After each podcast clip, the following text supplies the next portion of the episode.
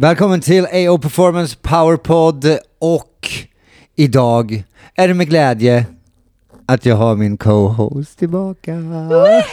Är jag! Yay! Fan vad kul! Välkommen Ja. tillbaka. Tack så jättemycket. Det känns så kul att eh, vara tillbaka och köra igång med den här podden igen. Ja, det tycker jag också. Och så jävla skönt att eh, jag vet inte ni som har hört det förra avsnittet med mig och Lenny som hörde att jag haft lite strul med min kropp och i, jag mår bara bättre och bättre så det är så jävla skönt. Till och med häromdagen hade jag 45 i nattpuls och det har jag inte haft på ett och ett halvt år så att I'm back. Mm. Vi hade ju en liten förklaring förra varför vi har haft ett uppehåll med podden. Ja. Ehm, då så, men nu är vi tillbaka och vi har så många intressanta ämnen och idag ska vi prata om något som är superintressant som inte jag hade så bra koll på bara för några år sedan, eh, men som jag idag också jobbar med själv. Du la upp en video på din Instagram bara för några dagar sedan, för du har ju haft en fasciabehandling. Och det hände någonting där. Du lägger upp en video, du behandlar en tjej som går den här utbildningen. Och på videon så ser man att hon reser sig upp och sen så är det en massa känslor och hon börjar gråta. Då har du alltså gett henne vad som kallas för fasciabehandling. Det har kommit in massa reaktioner på den videon, så jag tänkte så här, vi kan väl passa på idag, så får du berätta lite grann vad är fascia och vad var det som hände? Ja, otrolig upplevelse såklart. Starkt. Ja, vi hade ju en fascia behandling och återhämtningsutbildning i helgen.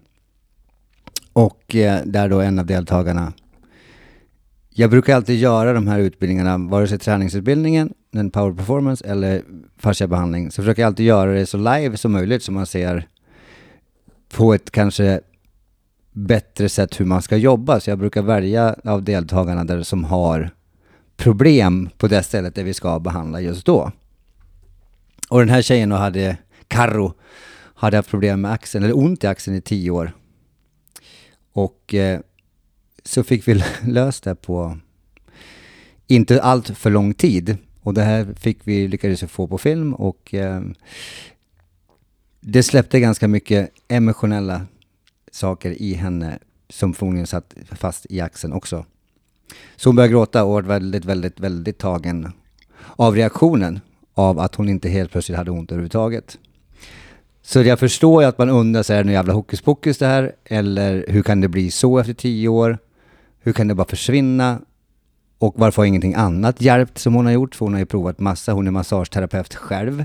Så jag antar att hon har provat flera olika massagetekniker och eh, andra terapeuter och så, vilket hon eh, sa också att hon hade gjort. Så att jag förstår funderingarna, även om folk tycker att, tror att det är jag som är bra i det här och det, så är det inte. Eh, jag har gjort det jävligt länge och är väl hyfsad på det, men det är så här att det är så kraftfulla tekniker det här, så det är, det är mer så. Så jag tänker faktiskt, jag ska kasta tillbaka den här bollen på dig innan vi går vidare i egentligen vad det är för någonting och vad, vad som händer. Är att, för du har ju också, eh, som du sa själv alldeles nyss, att du är ganska ny i det här, visste inte vad det var för, för bara ett, ett, kort tag sedan. Men du jobbar ungefär drygt ett år med att behandla själv. Så jag kan väl säga bara till dig, jag har ju behandlat i, jag vet inte, massa över 10, 12, 14 år, eller 10, 12 år i varje fall. Tid, alltså väldigt, väldigt, väldigt mycket. Och det här är ju liksom den anledningen som gör att jag har fått resa över hela världen i så många år. Det är ju behandlingen, det är mina händer som har gjort det. Det är inte för att jag är trevlig. Det trodde jag ett jävligt långt tag. Ja, det, det förstår man ju efter första gången man träffar dig. Faktiskt, att, ja. ja. jag håller med helt. Nej, då, så att, eh, nej men helt ärligt så kan du väl bara först kanske så här, vad, vad tänkte du när du såg det och vad har du för tankar så här ett år in på när du själv behandlar mycket? Jag eh, hade inte så mycket kunskap om fasciabehandling när jag gick dina utbildningar eller började liksom intressera mig för det. Jag hade ju hört talas om bindvävsmassage och vad jag förstod det så var det djupgående massage men det hade ju funnits länge så jag tänkte vad är det här för någonting? Vad gör man? Och eh, jag blev ju intresserad av det här för att jag gick ju en utbildning hos dig som var lite mer fokus på power och performance. Och då berättade du lite grann om fascia, jag började bli intresserad, tänkte vad, vad, vad är liksom det här magiska som Andreas pratar om? Och jag hade ju också sett videon, så jag blev ju nyfiken på vad, vad gör man? Hur går det här till? Och jag kände också, jag jobbar som personlig Vad tränare. menar du för video då? Du hade några på Instagram. Då Jaha, hade du också, ja Ja, okej, precis. ja, Eh, liknande den du har lagt, lagt upp idag, liksom, Mm. någon du behandlar axeln och det var helt borta. Och jag känner så här, jag jobbar som personlig tränare och eh, tyckte ändå att jag saknade den här biten. Jag, jag märkte att det var så många som kom till mig och sa att där jag har ont här, jag har ont där. Och jag kände mig lite sådär otillräcklig när jag inte kunde hjälpa dem och ge dem den här helheten. Jag kunde träna dem, men jag förstod inte riktigt. Jag, jag vill ändå hjälpa dem med det andra också. Och det var ju därför jag tog steget till fasciabehandling och eh, har ju då jobbat drygt ett år med det. Jag är ju ny och som jag nämnde till dig tidigare, jag är ny men även jag har ju haft kunder som har gått med smärta i 8-9 år. De har gråtit på nätterna. De har liksom, men så här, de har bara accepterat att det gör ont. Och så behandlar vi dem några gånger. Och jag vill här bara lägga till, vi behandlar och ger dem rörelser. Eh, rätta rörelser utifrån vad man ser i den här analysen som man gör. Och det blir bra. De kommer till mig och frågar, ja men hur är det med ryggen? Ryggen? Ja, ah, just det! De reaktionerna. Så att för varje gång jag behandlar så tror jag ju mer och mer på just det här. Så att eh, jag är glad att jag gick utbildning och jag är, jag är så glad att jag kan hjälpa mina kunder. För det finns ingenting som att se en människa bli smärtfri. Det ger dig så mycket lycka. Det går inte att beskriva och förstå deras känsla. Ja. Men, då, och jag, jag, jag tänker så här, nu har vi ju pratat. Så jag, jag tänker så här, vad är det och vad är det som händer rent konkret när vi lägger händerna på kunden? Jag vet inte, jag ska inte säga att vi skapar magi, men Jo, det, det kan ju faktiskt bli det. Det funkar ju inte på alla och det funkar inte varje gång, men det, det funkar faktiskt otroligt ofta. Eh, nej men det som händer, det alltså vad fascia till att börja med är väl, kan man väl säga bindväv, för att göra det väldigt eh, förenklat. Och den här bindväven finns i hela kroppen och problemet är att förr i världen så forskar man ju också på, mycket på döda kroppar, eh, kadaver som man kallar det för. Och det är väldigt, fascian är väldigt levande, det är väldigt mycket, om vi tittar på en människokropp så består av mycket vatten. Det är mycket vätska. Man säger ungefär ish 65-70% beroende på ålder och livsstil och sådär. Så att vi har ju väldigt, väldigt mycket vätska i kroppen. Och då fasciasystemet är ju en del av att kontrollera den här vätskan. Om du tänker att om du, om du tänker att du skalar en apelsin. Mm. Om du tänker att skalet är huden och allt det där vita under är kanske vad man kallar för kollagentrådar. Kollagen är kroppens vanligaste protein. Jag ska inte bli nördig, jag har lovat att jag inte ska bli nördig, jag ska göra det lätt. Men vi säger det i varje fall. Och sen då i den här apelsinen så, så det är olika klyftor, vilket kan man säga som compartment eller typ muskler. Mm. Så, så jag har en fråga då, vad är det som gör, för vi kan ju göra apelsinjuice av en apelsin, eller hur? Mm. Men om du skalar bort skalet, vad fan är saften då? Eh, Den är ju, in, det är ju eh, bindväven håller ihop skulle jag säga, men det är ju Ja. någonting som håller ihop vätskan. Det är någonting som Mm. håller ihop vätskan. Bra. Så ungefär samma anledning, varför har inte vi, all, om vi har 65% vatten i kroppen, varför inte alltid fötterna? Är inte det märkligt? Hur kan det spridas ut på hela kroppen? Vi står rakt upp och ner, varför åker inte allt ner i fötterna? Mm. Så att farsan, menar du, fördelar allting i kroppen? Allting. Så man ska säga då på, försöka göra det här hyfsat enkelt förklara, för det är skitsvårt att förklara hur, för det är så stort system. Det har 2017 varit det förklarat i kroppens största organ, för det finns överallt. Men framförallt är det då kollagentrådar, som är det här vita kan man säga, apelsinen. Mm. Och så är det ett flöde då utanför som, som gör så att de här trådarna kan glida i förhållande till varandra. Så att dels har vi då den här, de här vita, eller ja, gula, vita trådarna, förlåt. Och så har vi ju muskler. Och sen har vi organ och så har vi ben och så har vi massa andra grejer också. Så vi har ju sjukt mycket grejer i en kropp. Men allting ska ju kunna glida mot varandra förhållandevis bra. På vissa ställen ska det vara lite mer trögflytat, på vissa ställen ska det funka jätte, jättefint. Problemet när vi rör oss på ett visst, visst sätt, vi rör oss för lite, så blir den här vätskan mer viskös, eller vad man ska kalla för förtjockad kan man väl säga. Mm. Så brukar man kunna förklara att, säg att, att den här vätskan ska vara mer som balsam som man har i håret. Ganska så här skönt, mm, lättflytande. Mm. Men om du då är inaktiv, så du rör dig inte speciellt mycket, då kan den här, den här vätskan bli kanske mer som du vet, honung. Trögflytande honung eller kanske till och med som lim i det värsta fall. Mm. Och när det blir så så kan vi inte röra oss så bra i det här. Där vävnaden har då klibbat ihop, där kan inte den vävnaden röra sig i förhållande till annan vävnad speciellt bra. Och då kanske vi kompenserar någon annanstans. Så säg att det är höften och så börjar sitta fast. Jag sitter väldigt mycket, höften blir väldigt stel, det börjar då bli klibbigare vävnad i höften så jag rör mig inte så bra. Det betyder att jag måste röra mig någonstans, för vi kommer ju ta oss fram. Jag ska ur bilen, jag ska ur, gå av tunnelbanan eller vad man ska göra för någonting. Eh, och jag kommer ju att göra det och då är då kroppen kanske kompenserar. Och då slutar vi kanske använda höften effektivt och i höften har vi extremt mycket stora muskler. Vi har stora eh, vävnader som vill hjälpa till mycket. Och om inte den får hjälpa till så mycket som du ska, så kanske små grejer tar över, till exempel då kanske ländryggsmuskler istället. Så om du jämför stjärt, rump, sätesmusklerna mot för eh, de små ryggmusklerna, så förstår man att de blir ganska mycket tröttare rätt mycket fortare.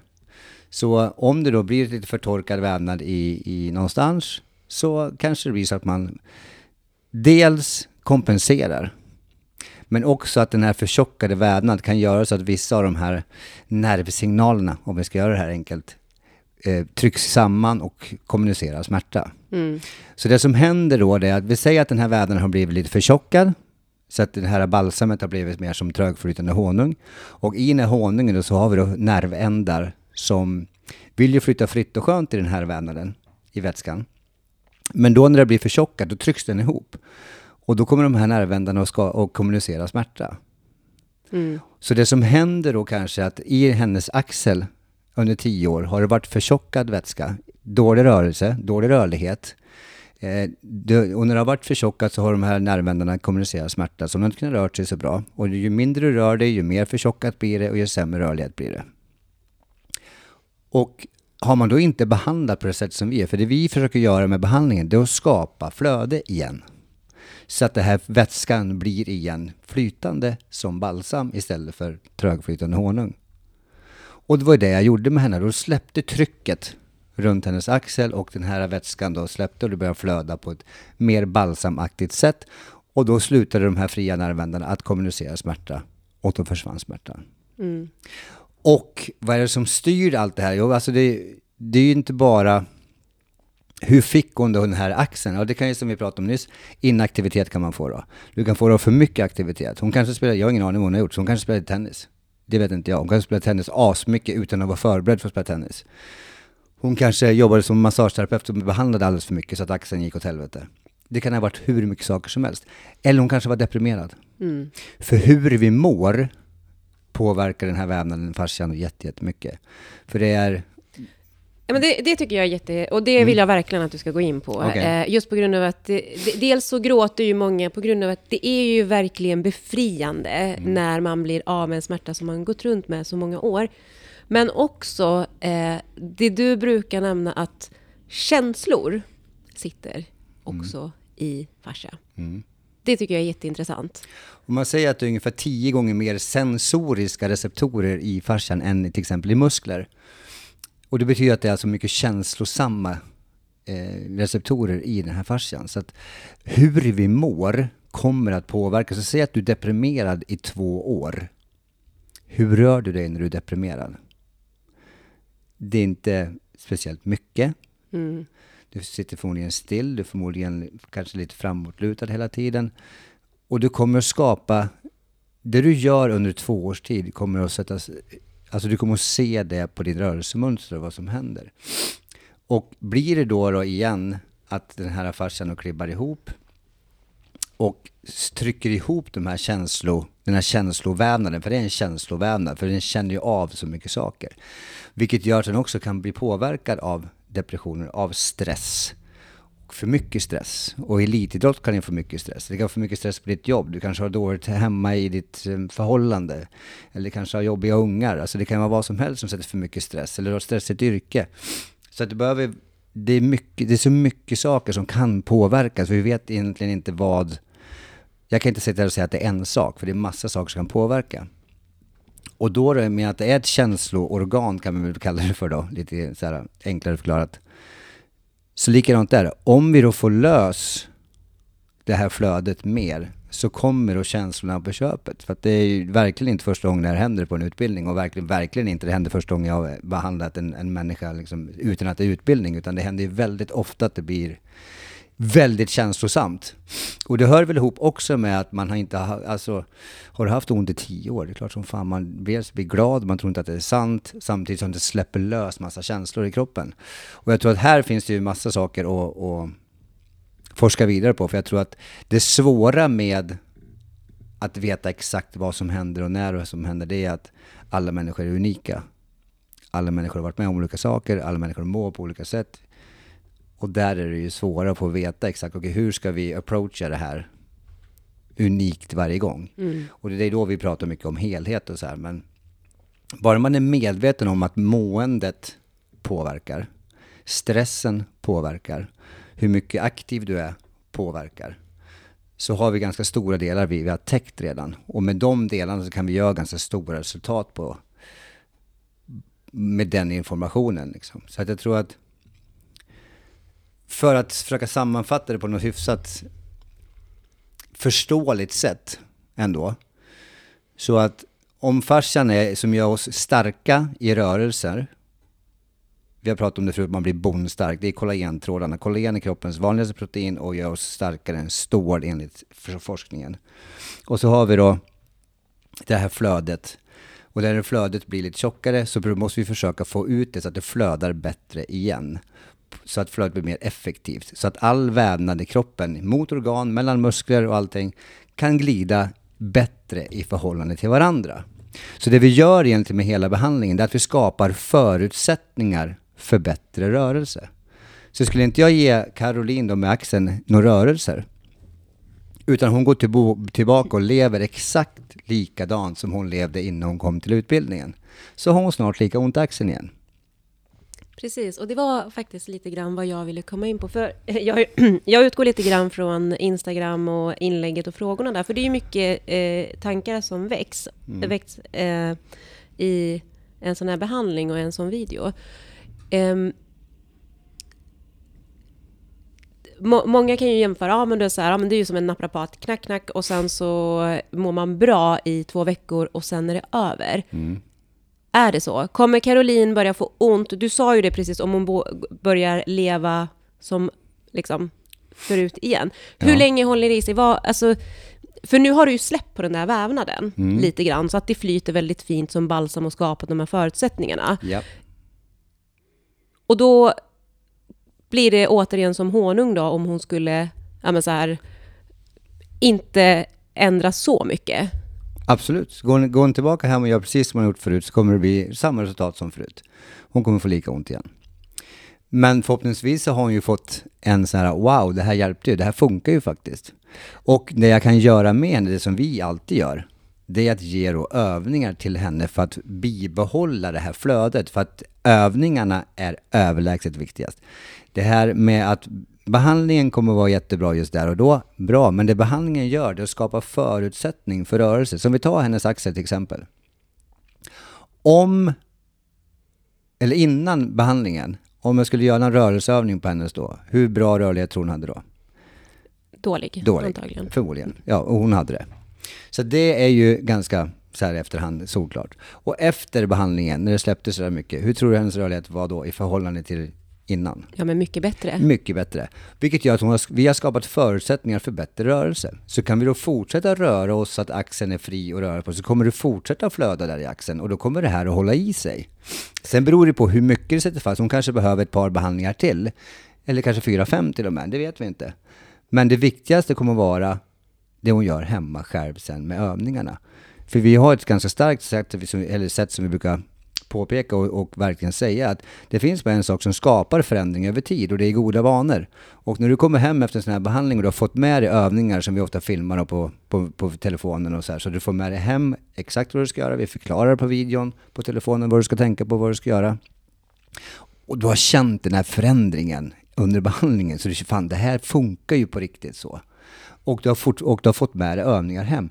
Då ökar vi ju sannolikheten att få det, alltså att det bibehåller den här känslan och som kanske smärtfriheten under över tid. Verkligen. Mm. Men går du tillbaka, för det, ja, det, det, finns ingen behandling i världen som är så kraftfull så att du kan gå hem och leva som du precis har gjort i tio år och sen tro att det ska gå över. Finns inte. Utan det är, vi är inte Jesus liksom, utan det är, det är fortfarande en behandling. Även vad man kan tro det ibland. Nej då, skämt åsido. Men det är, det, är, det är kraftfullt, men det viktiga är vad man gör sen, att vi ger övningar som bibehåller det här flödet. Jag tror att det är det viktigaste av allting. Liksom. Och kan man då också, sen när vi ska kolla på helheten, okej, okay, men hur sover du? Hur återhämtar du dig? Dricker du bra med vatten? Äter du bra? Hur mår du egentligen i allting som händer? Vi har gått igenom två år av skitjobbiga grejer nu med det här viruset och sen går, försvinner viruset, går upp i rök och då blir det krig istället. Så det är klart som fan det är många som mår skitdåligt. Det är inget konstigt liksom. Och hur påverkas kroppen av det? Vi får inte glömma bort det. Jag tror att det är en jättestor del i det hela. Hur mår vi egentligen på riktigt? Och vet människan verkligen om hur det är att må helt bra? Mm, det är en intressant fråga. Mm. Jag kom att tänka på en sak nu när du berättade om det här. Mm. Och det tycker jag också är intressant att ha med. Så jag hoppas att du vill dela med dig av det. För att för ett tag sedan eh, så minns jag att det var någon som kom och sökte hjälp hos dig. Och den personen var ganska stressad eller någonting. Jag minns inte så mycket när ja. eh, han kom. Och då sa du att du helst inte ville behandla honom så han fick gå hem. För du trodde inte behandlingen skulle ge någon nytta. Nej. Snälla, det vill jag att du ska dela med dig av till hur mycket mående också kommer påverka resultaten som kommer av en behandling. Man måste tänka på att eh, den behandling vi gör är en typ av mekanisk belastning, ungefär som träning. Eh, Efteråt kan det bli en reaktion som är så ungefär som träningsverk fast det känns annorlunda. Så man eh, blir en reaktion som man tycker själv kanske är negativ, så är det inte det, för vi vill ha en reaktion. Men, och får man träningsverk efter man kör mycket bickar, då är man asnöjd att man har ont i bickarna dagen efter. Så att Även fast det kallas för verk också. Mm. Men har man gjort en behandling och det känns efteråt, man bara Vad har hänt med min kropp? Vad har du gjort? Man bara, vänta nu.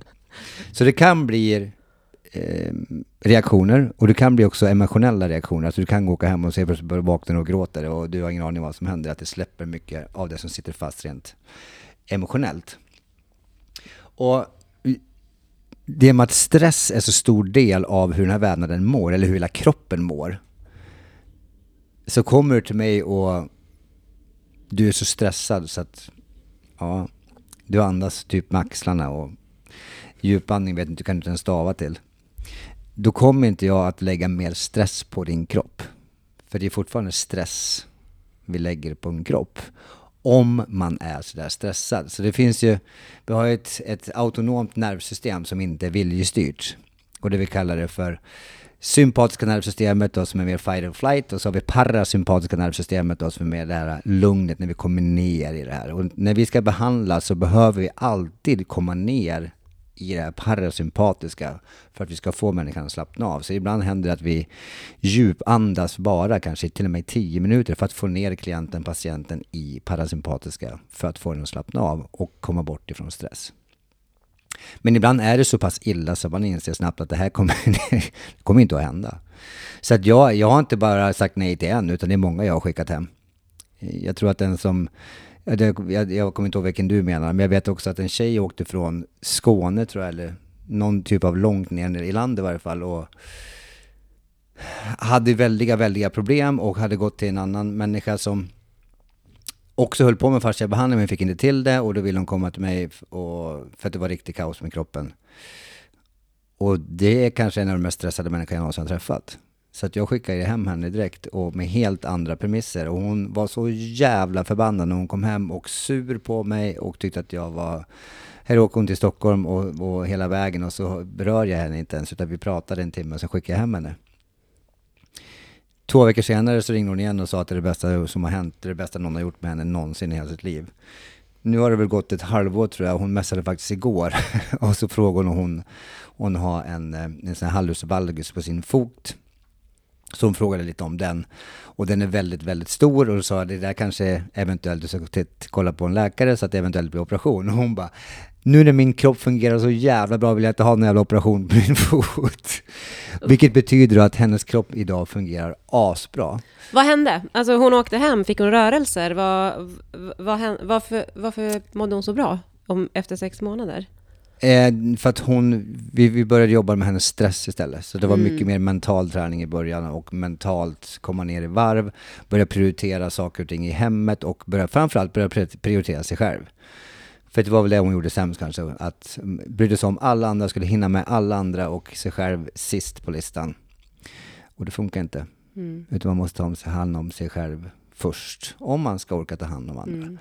Så att det är klart att vi säger nej ibland och man gör inte bara för att göra, utan vi måste tänka helhet, vi måste tänka på människan framför oss. Vi bryr oss om välmåendet. För ska vi få de här resultaten så måste vi se helheten och ibland fråga, eller alltid fråga hur man mår. Och det, det, är ju en känsla som oftast är på utbildningarna att eh, många får mycket så aha-upplevelser. Mm. Och sen så åker de till sina städer där de jobbar och eh, så får de väldigt bra resultat med sina klienter. Mm. Men det finns ju också en misstro mot fasciabehandlingar. Ja, mot fascia överhuvudtaget. Ja, och fascia överhuvudtaget. Mm. Eh, vad säger forskning? Vad, finns, finns det någon grund för... För att vi, jag utgår ju från vad jag har fått människor att eh, känna och mm. uppleva. Mm. Och jag har jättebra erfarenhet. Vad, vad finns det för grund för att det vi gör faktiskt också är forskat på eller ja. så. Nej, det finns absolut precis hur mycket som helst och det är väl det som är intressant nu, framförallt mellan från 2013 tills nu, så snart tio år, finns det ju enormt, för det finns ju egna fascia-kongresser varje år. där är de smartaste forskarna i världen samlas och går igenom all ny forskning som finns. Så tycker man om att bara läsa forskning så ska man åka på en fascia-kongress och sitta och lyssna där, för där finns allt. Och jag tror att de här finns att få tag på efteråt. Eh, och sen så kan man ju läsa de här som forskar mest med Dr. Robert Schleip och, och familjen Stecco, Anthony och Carla Stecco kanske framförallt. Men det, alltså det finns precis hur mycket som helst. Köp en, en ny fasciabok nu och så kollar du alla referenser där. Googla på internet. Det finns precis hur mycket som helst och det är verifierat. Och det som är jobbigt tror jag för de här kritikerna, eh, jag och Lenny var inne på det, jag tycker verkligen om ni inte har lyssnat på Lenny och mitt avsnitt som var, var avsnittet innan här med LA Clippers NBA Eh, han är ju fascia-coach för dem. Eller fascia-terapeut och är helt fantastisk. Lyssna på den, tycker jag. Eh, för att han menar ju på också att kritikerna inte vet bättre, utan de sprider massa jävla osanningar och det är så det är. För att ska man förstå fasciaforskningen, då måste man förstå att vi måste tänka helt nytt. Du kan inte tänka som vi har gjort förr. Det är svinbra att gammal forskning finns, absolut, men det funkar inte att tänka enmuskelforskning längre. Det funkar, alltså du kan ta, jag vet inte vad ska man ta, ta någon typ av magproblem eller tarmproblem eller någonting och så ska man säga att, det, att vi, vi, vi kollar bara en grej. Men det, alltså till, tillsätter du ett hormon till exempel, tillsätter du tio hormon och så tillsätter du ett mentalt state, hur mår du egentligen? Alltså det finns så mycket saker vi kan tillsätta som förändrar och förändrar och förändrar hur hela den här, framförallt den här vävnaden reagerar. Så att vi behöver tänka mycket större och framförallt nytt. Och jag tror att människor är jättejobbigt med förändring. Så att när någonting nytt kommer, då måste vi först man säger på engelska ridicule, man måste först håna skiten. Att, och det är många nu som ligger kvar i det gamla som hånar för att de inte vet bättre, de förstår inte bättre. Men de kommer behöva ändra sig sen och så om något år kanske de håller med och sen som kanske tio år så är de där själva och predikar. Så det är dit vi kommer att komma. För att det är, jag har ju själv bara fortsatt också för att jag har Dels har jag hängt med de här Tom Myers och, och de här som har varit längst fram i forskningen i, i, i typ tio år. Och de har ju varit lika säkra som jag har varit på att det här kommer bli det nya och det här är framtiden. Och som du säger själv, att den här empiriska forskningen, alltså det man har gjort själv, man ser själv händer och logiken i det hela är ju världsklass. Men såklart är det skönt att ha vetenskapen med sig. Det är ju, det är ju ett måste, till, i slutändan så behöver vi ha det. Så att det, är, det finns massor att läsa och eh, tycker man att det är kul så åk på Fascia kongress. Det är jävligt coolt och man lär sig precis hur mycket som helst och där är det bara forskning. 100% studier bara. Och den går ju varje år och där är de smartaste i världen. Så att det, åk dit. Och jag tänker att vi, vi, kan, ju, vi kan ju i eh, poddtexten här också kanske, eh, de namnen du nämnde, bara skriva ifall du är intresserad Absolut. av fascia så kan du gå in och söka på de personerna på Youtube och på nätet så hittar du massor. Ja. Jag, kan, jag har ett par nya böcker också som jag har nyss fått hem. De kan, vi kan lägga titlarna på den också, för i de Mm. böckerna finns det mängder med, med vetenskap och eh, referenser. Så att, eh, vi kan lägga de böckerna också, kan man väl köpa dem och läsa. Toppen. Så kan man verkligen grotta ner. För jag lovade här nu, där jag innan, att vi skulle göra det här på, så att en sjuåring skulle förstå. Jag tycker jag lyckas. Ja, precis. Jag sa till Andreas att nu får du vara på en nivå och förklara så att eh, det är ju avancerat. Alltså, fascia är inte enkelt att förstå sig på. Nej. Kroppen är inte enkelt Oerhört att förstå komplex. sig på. Det är en komplex... Alltså vi, vi, vi, är, eh, vi har en fantastisk kropp. eh, Den är lite svår att förstå. Så där, Och är det Andreas. någonting som är svårast kanske av allting, så är det ju smärta.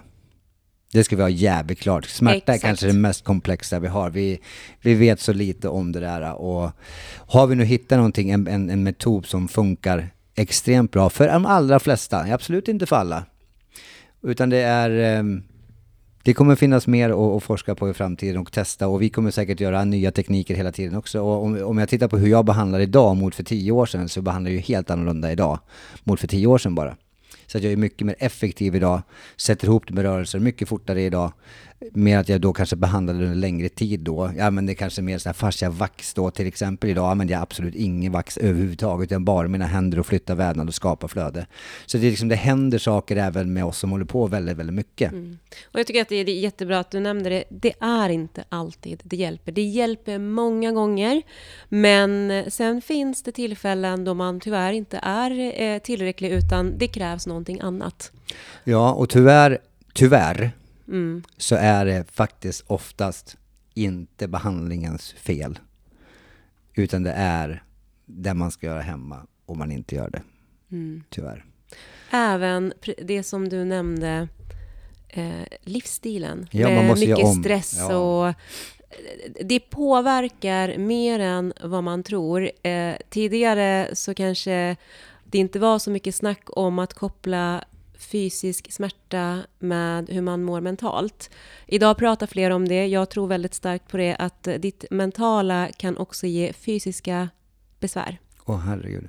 Och det finns ju, alltså det finns så mycket forskning på det där också nu om man tycker det är sånt. Alltså om man vill läsa neuroscience som jag är ganska mycket inne på nu så det finns ju enormt mycket kopplingar i, alltså från hjärnan och hur kroppen mår och hur vävnad reagerar, hur hormoner ändras och så, här. så det är ju enormt stort och det är det, det är bara, alltså jag håller på med det så många år nu och för varje bok, jag har köpt sex böcker bara den här veckan.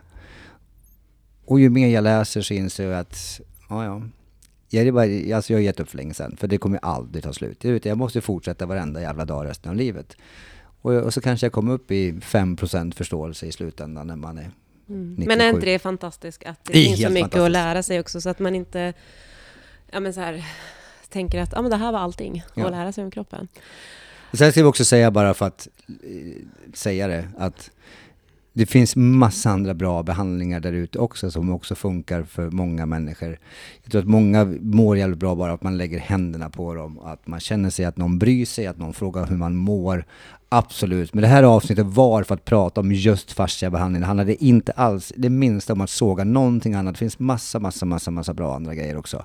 Men vi håller på med det här och det funkar fruktansvärt bra om vi kopplar ihop det med rätt rörelser till rätt individ, individ vid rätt tillfälle.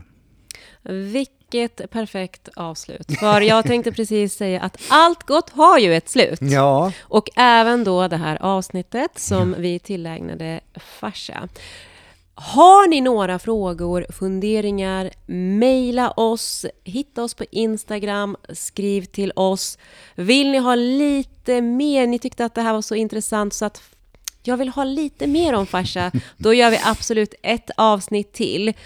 Um, men det här var vårat, i alla fall, eh, Duo, Andreas och Derjas eh, första premiäravsnitt efter vårt uppehåll. Eh, superavsnitt om du frågar mig. Tack snälla. och eh, jag hoppas att ni tycker om det och lyssnar vidare på oss. Jag tycker att du var i en lysande form. Alltså jag tycker att du var helt, helt makalöst bra. På riktigt. Du var så här cool, lugn, sköna frågor. Äh, bra. Du är värd en applåd. Tack! För idag. Hoppas för vi idag. hörs snart igen. Hej då.